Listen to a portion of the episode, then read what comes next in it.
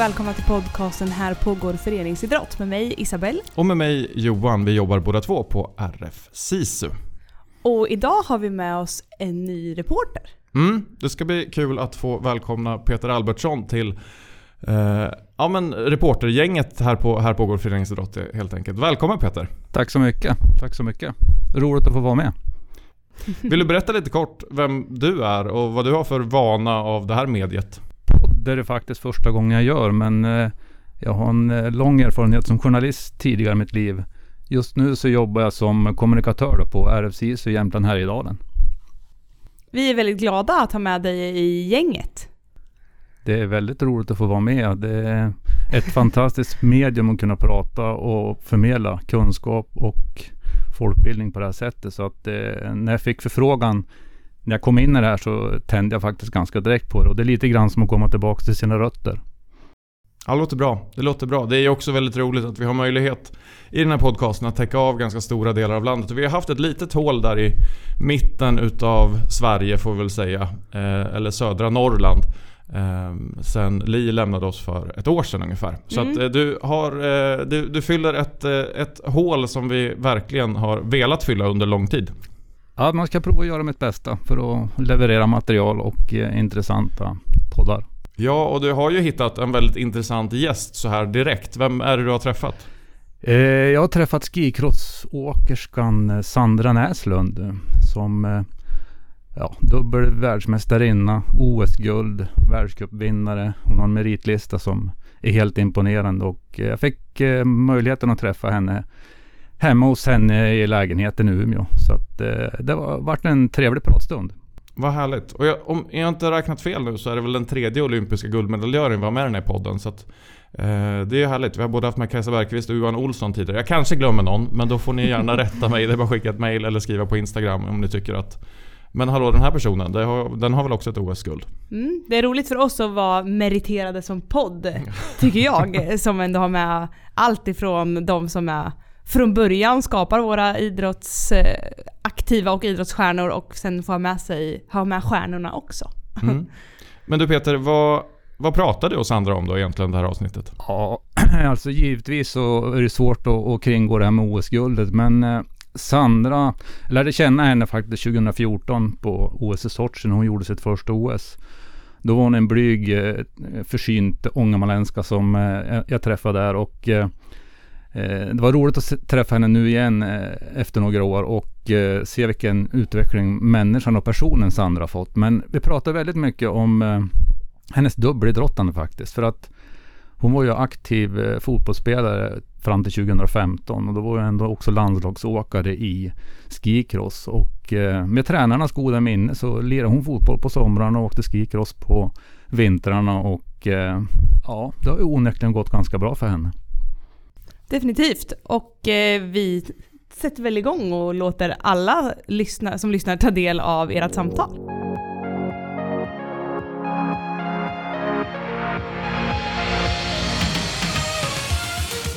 Vårsolen skiner in genom fönstren och mitt emot mig sitter en världsmästarinna, en olympisk mästarinna. En kvinna som har åkt 96 världscuptävlingar och varit på pallen 54 gånger.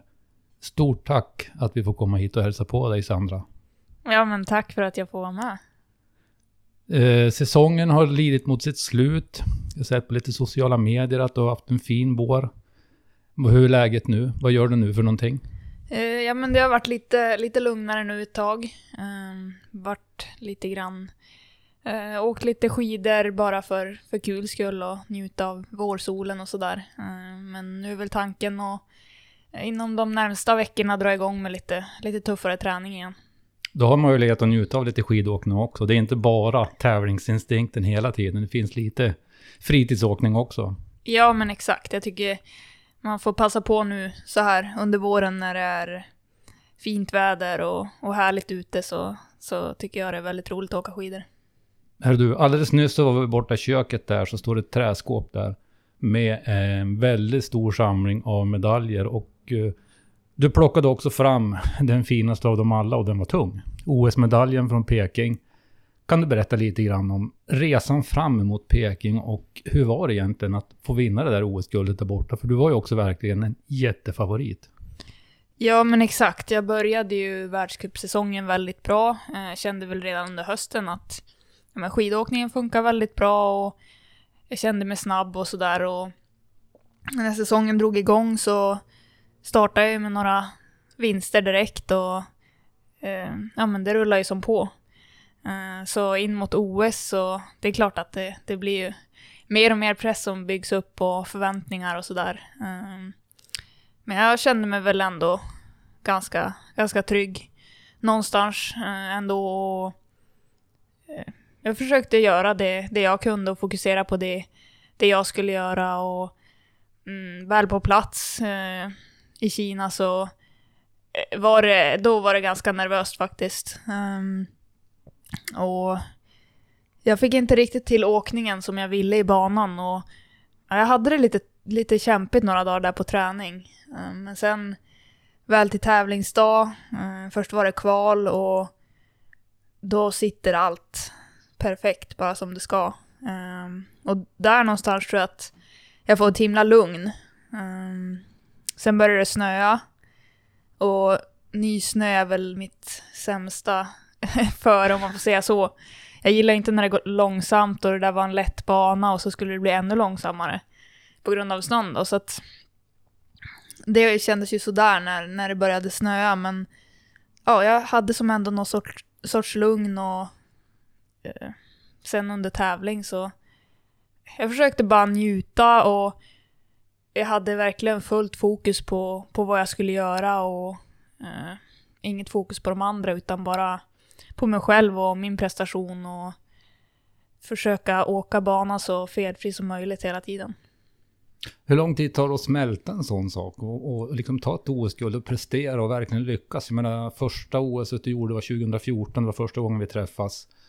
Och eh, sen då x antal år efteråt, då får du äntligen här i guldmedaljen. Eh, ta, har du förstått den eller liksom, när, när, när går det in egentligen vad man har gjort för någonting?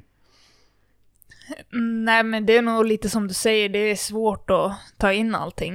Eh, det har ju varit en, en väldigt häftig säsong överlag och sen liksom få, få toppa det någonstans med ett OS-guld, det är ju helt, helt otroligt. Och jag är superglad och, och stolt men samtidigt känns det inte som att det är lite svårt att förstå fortfarande. Um, och ja men, där under dagen också, det var ju bara alltså sån lycka. Men du, sen vart det medaljutdelning och alltihop och sen reste ni från OS. Men det vart en väldigt annorlunda hemresa för er. Många landade på Arlanda och togs emot där, men ni skulle åka direkt på världscuptävlingar och inte i vilket land som helst, utan åkte direkt till Ryssland. Alltså, vi vet ju vad som har hänt där och vad hände där. Eh, hur, hur, var den? Alltså, du utbröt ju ett krig alltså mitt, mitt under den tiden när ni var där. Ja, det var ju absolut speciellt. Eh, det var väl lite började ju prata om lite oroligheter medan vi var i Kina eh, innan vi skulle åka dit och eh, förbundet höll ju koll på, på situationen hela tiden och um, de ansåg det väl, väl säkert när vi åkte dit men sen hann vi väl nästan bara landa tror jag så, så utbröt ju kriget och det, det kändes väl inte jättebra att vara, vara i Ryssland mitt under ett krig. Sen var vi ju långt ifrån kriget så. Och jag kan inte säga att man märkte av någonting där i Sunny Valley där vi var. Man läste ju i media och någonstans så kändes det ju väldigt, väldigt fel att vara där och ja men lite, lite oroligt ändå. Men ni kom hem trygga därifrån? Och, eh, eller hem och hem. Ni reste väl vidare och sen var det väl också en världscup avslutning på det där. Och du hade väl redan då egentligen säkra världscuptiteln, eh, den totala segern i världscupen den här säsongen också. Som inte bara innehåller ett OS-guld utan också den totala segern i världscupen. Ja men exakt, jag tror att vi, vi lyckades ta oss hem, hem från Ryssland och fick någon veckas vila, eller hur det var. Och sen var det två, de två sista världscuptävlingarna och eh, jag hade väl då redan säkrat i Ryssland i och med att de vart inställda, att jag hade vunnit totalen. och det det är ju också väldigt stort. Det är ju liksom OS OS är ju någonstans ändå kanske det största man kan vinna. Men vinna totala världscupen, det visar ju verkligen på att man är bäst över en hel säsong och man har inte tur eh, en dag liksom, utan då har man verkligen varit bäst hela året. Så att det är någonting som jag eh, värderar väldigt högt också.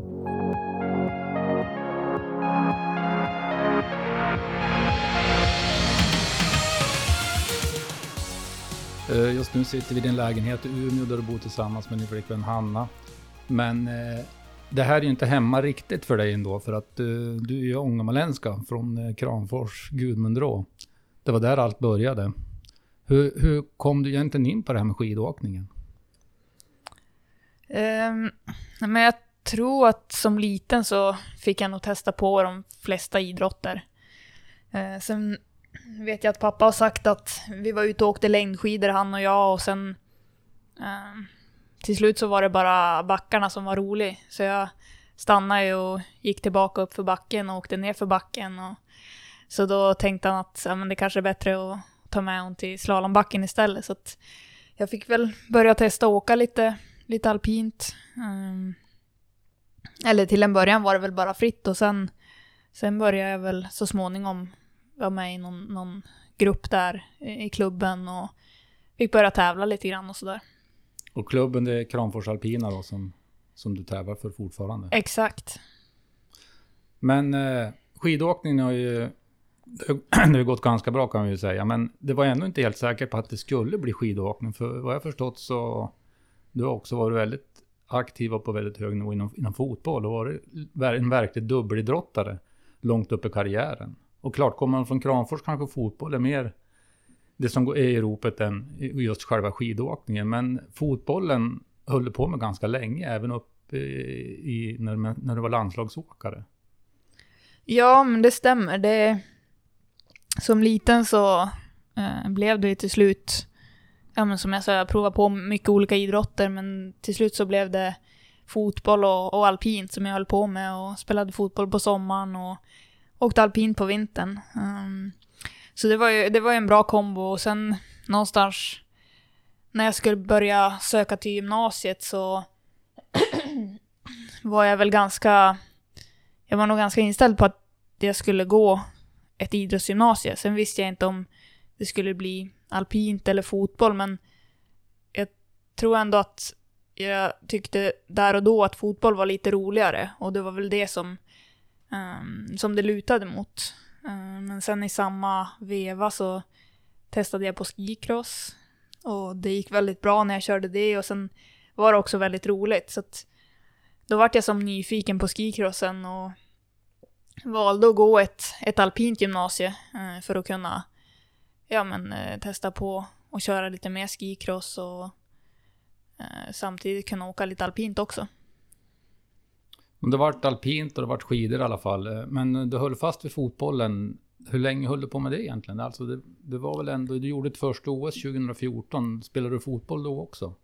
Eh, Ja, det gjorde jag så att jag eh, la väl av säsongen efter. 2015 tror jag att jag la av. Vad betydde det för dig under den här perioden då? När eh, du, du gjorde ett första OS 2014 som vi sa och eh, var landslagsåkare. Men du höll ändå fast vid fotbollen på sommaren. Det måste ändå betytt väldigt mycket för dig att få, få hålla på med fotbollen. Eh, ja, men så, så var det ju. Alltså, jag älskar idrott och jag älskar bollsporter. Ehm, så att jag tyckte ju fortfarande att det var väldigt, väldigt kul med fotboll. Eh, så jag hade liksom inte, inte hjärta att, att sluta med det riktigt, riktigt än. Och jag vet att jag frågade någon gång också landslagstränarna om de tyckte att det var okej att jag spelade fotboll fortfarande. Och, ehm, och de hade som in, ingenting emot det utan mm, jag tror, tror det var ändå en, ett bra sätt för mig kändes det som. Ehm, träning men på ett väldigt roligt sätt. Sen är det klart att jag tränade utöver fotbollen också, eh, styrka och sådär men eh, jag tror att tror för mig var det väldigt, väldigt nyttigt. Den allsidigheten, kan du känna än idag att du liksom har nytta av den träningen och den... Eh, det, när du höll på med fotbollen, att det är någonting som... Eller du kanske plockar fram fotbollen även idag och, och, och, och, och tränar lite grann med den också, eller? Eh, inte så mycket idag faktiskt. Um, mer än att man kanske ja, kickar lite ute på gården så, men Um, jag tror att jag har haft väldigt mycket nytta av det. Både ja, men inom alpint och skicross. Eh, just att, men även att jag har haft eh, nytta av skicross och alpint inom fotbollen liksom. Jag tror att ja, men, allsidighet är väldigt bra för idrotten och um, den liksom explosiviteten, styrkan, uthålligheten, kroppskontrollen som jag fick i fotbollen hade jag ju också nytta av i skicrossen eller alpint. Och tvärtom liksom. Så att jag tror att det är nyttigt att hålla på med flera saker och eh, inte specialisera sig för mycket. För jag tror att någonstans måste man ändå eh, ja men jag vet inte, svårt att förklara men jag tror att ju mer allround man är desto mer kommer man kunna specificera sig också. Det blir speciellt, alltså man, den allroundigheten gör att du klarar utmaningarna på ett annat sätt också inom den, den rätta idrotten eller den som kanske är huvudidrotten. Ja men exakt.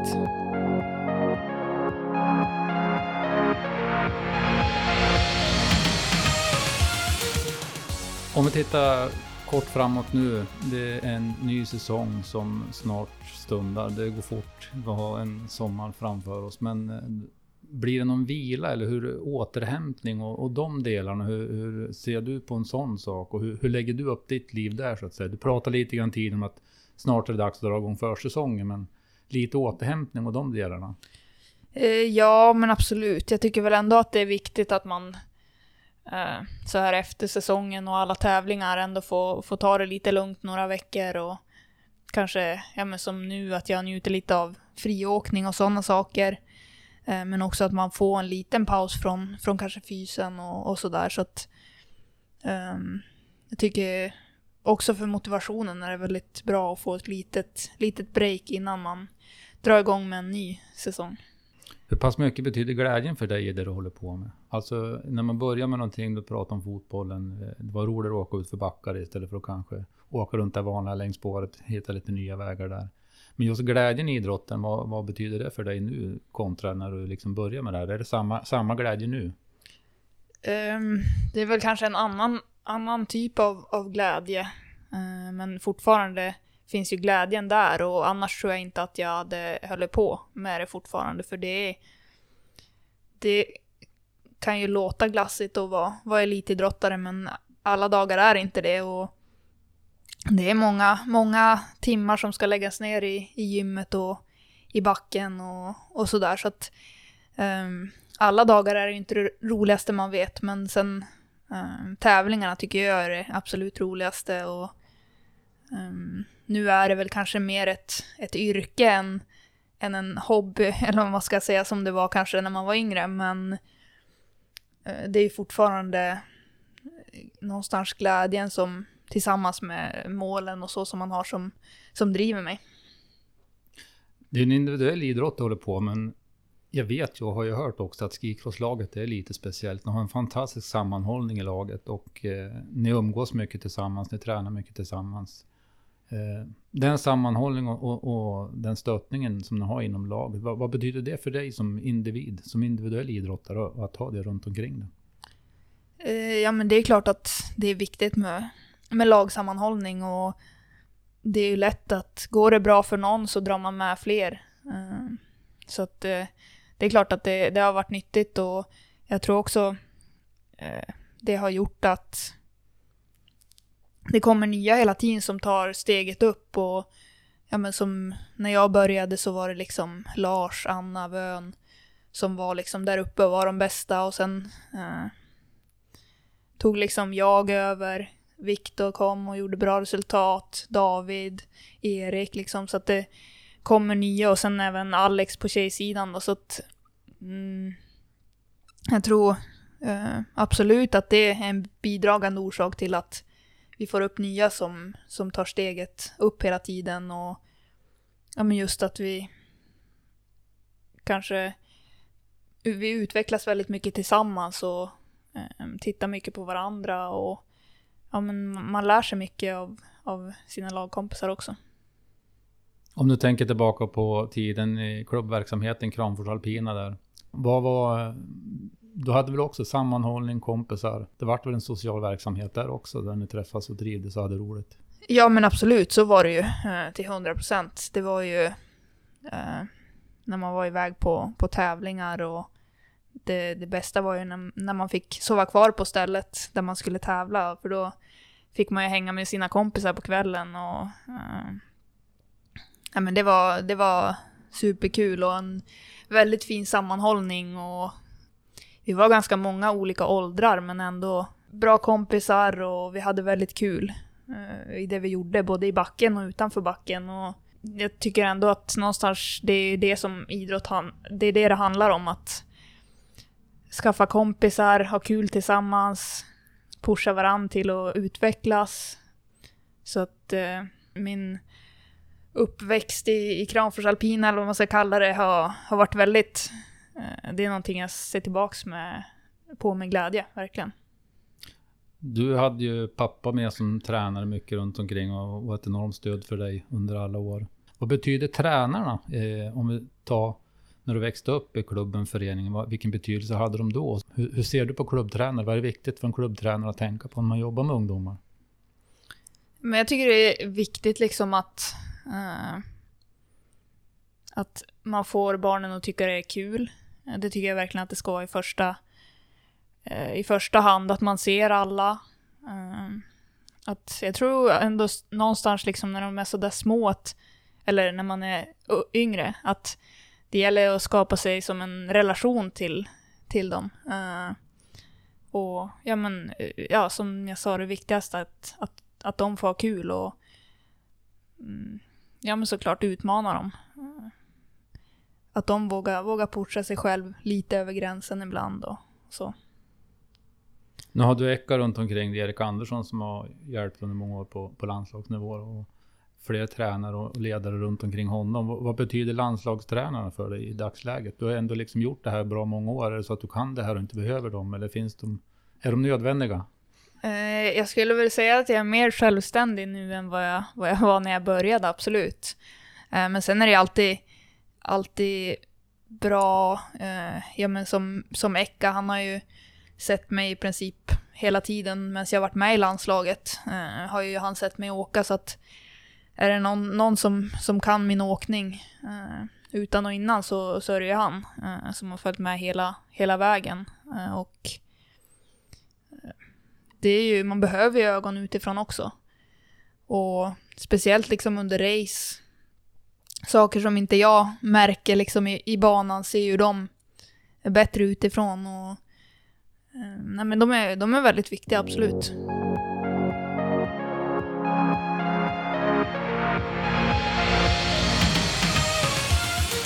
Vi tackar såklart Sandra Näslund och eh, dig Peter för det här samtalet. Och jag eh, börjar med att fråga dig, vad tar du med dig av ert samtal? Eh, det är väl flera delar som jag tyckte var väldigt intressanta med Sandra. Dels hennes eh, berättelse om hennes dubbelidrottande med fotbollen som betydde så mycket.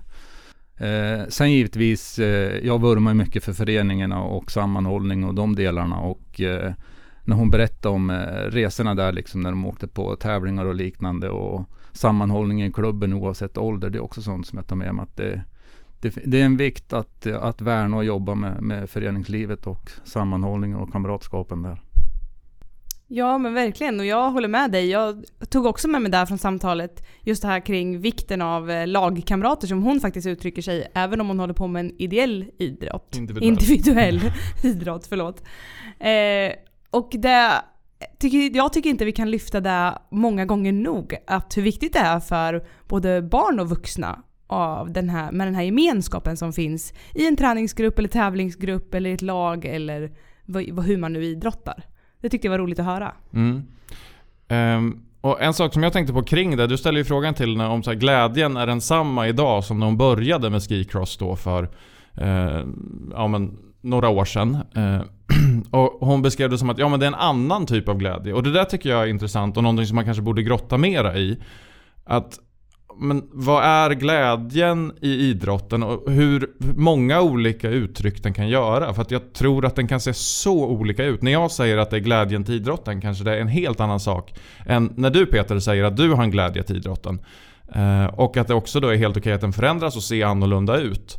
För vi pratar så mycket om glädjen i idrotten, men vad menar vi egentligen när vi säger vad är glädjen i våran idrott?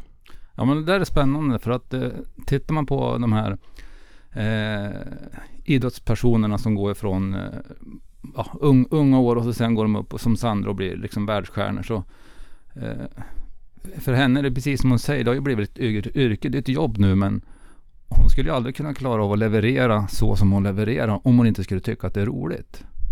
Och där kommer man ju tillbaka till det här att eh, träffa gänget, träffa landslagskompisarna.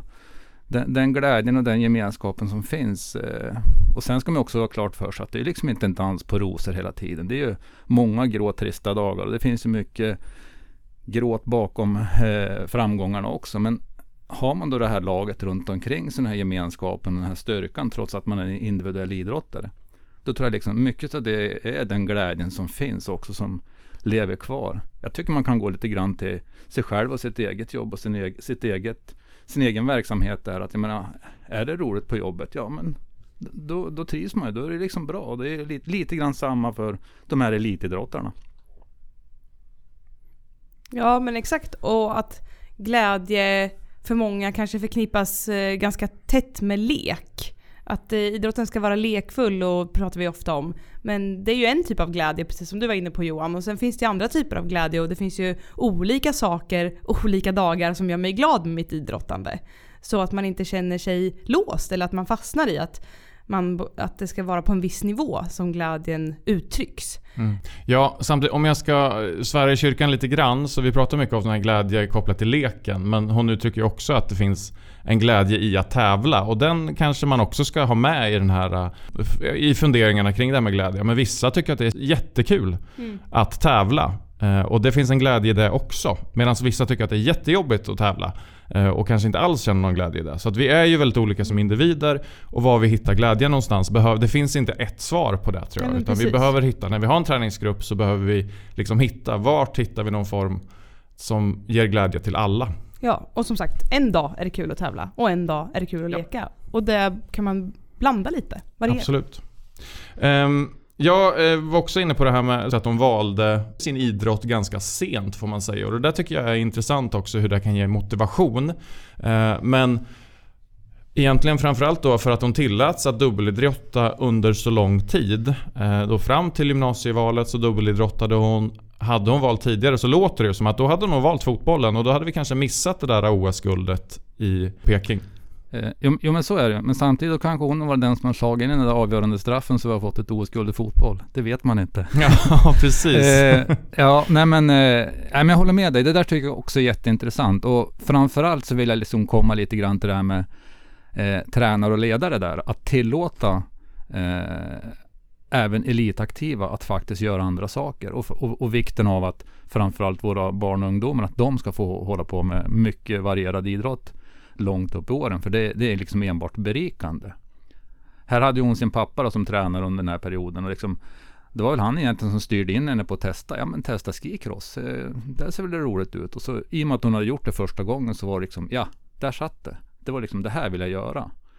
Eh, så att eh, det där är väl en viktig ledarfråga tycker jag också ifrån, eh, ifrån barn och ungdomsåldern att tillåta de barn och unga, unga och även långt upp i åldrarna att hålla på och jobba och utöva en mängd olika idrotter och inte välja så tidigt. För det behöver man ju bevisligen inte.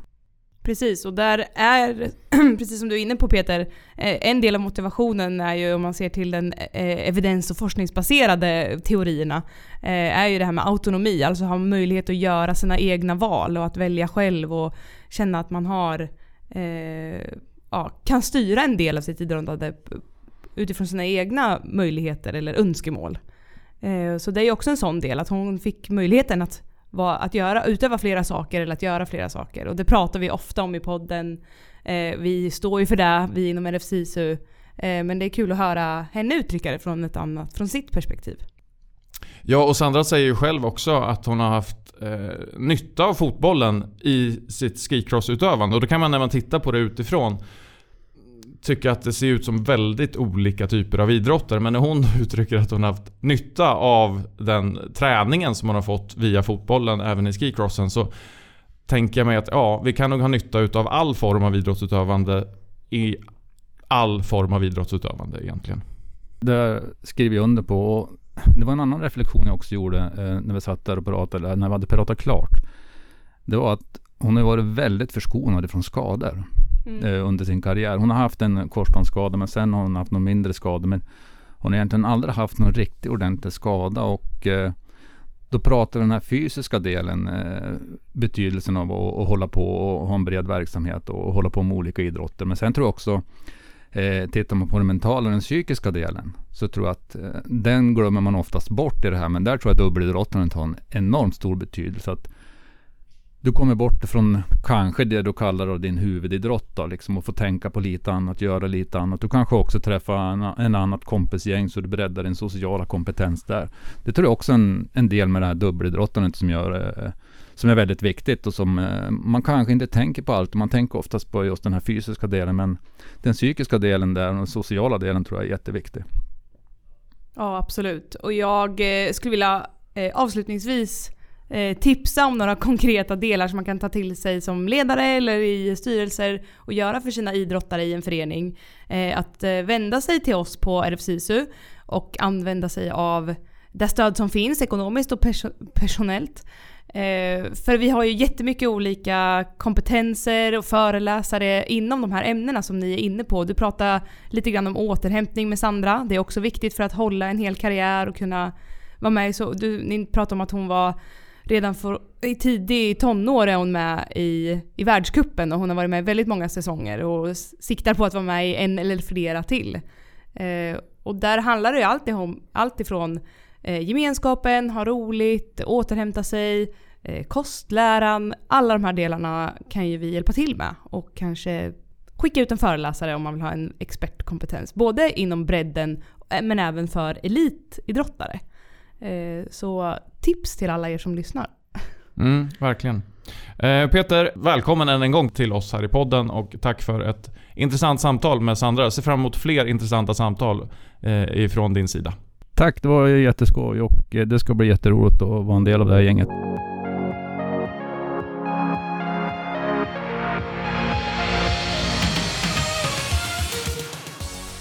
Du har lyssnat på ett avsnitt ur podcasten Här pågår föreningsidrott som görs av RF SISU. Vill du komma i kontakt med oss som gör podden kan du göra det via vår Instagram. Där heter vi precis som podden Här pågår föreningsidrott i ett ord. Eller så kan du mejla oss på podd.rfsisu.se podd rfsisu.se e. Hoppas vi hörs igen i nästa avsnitt. Hej!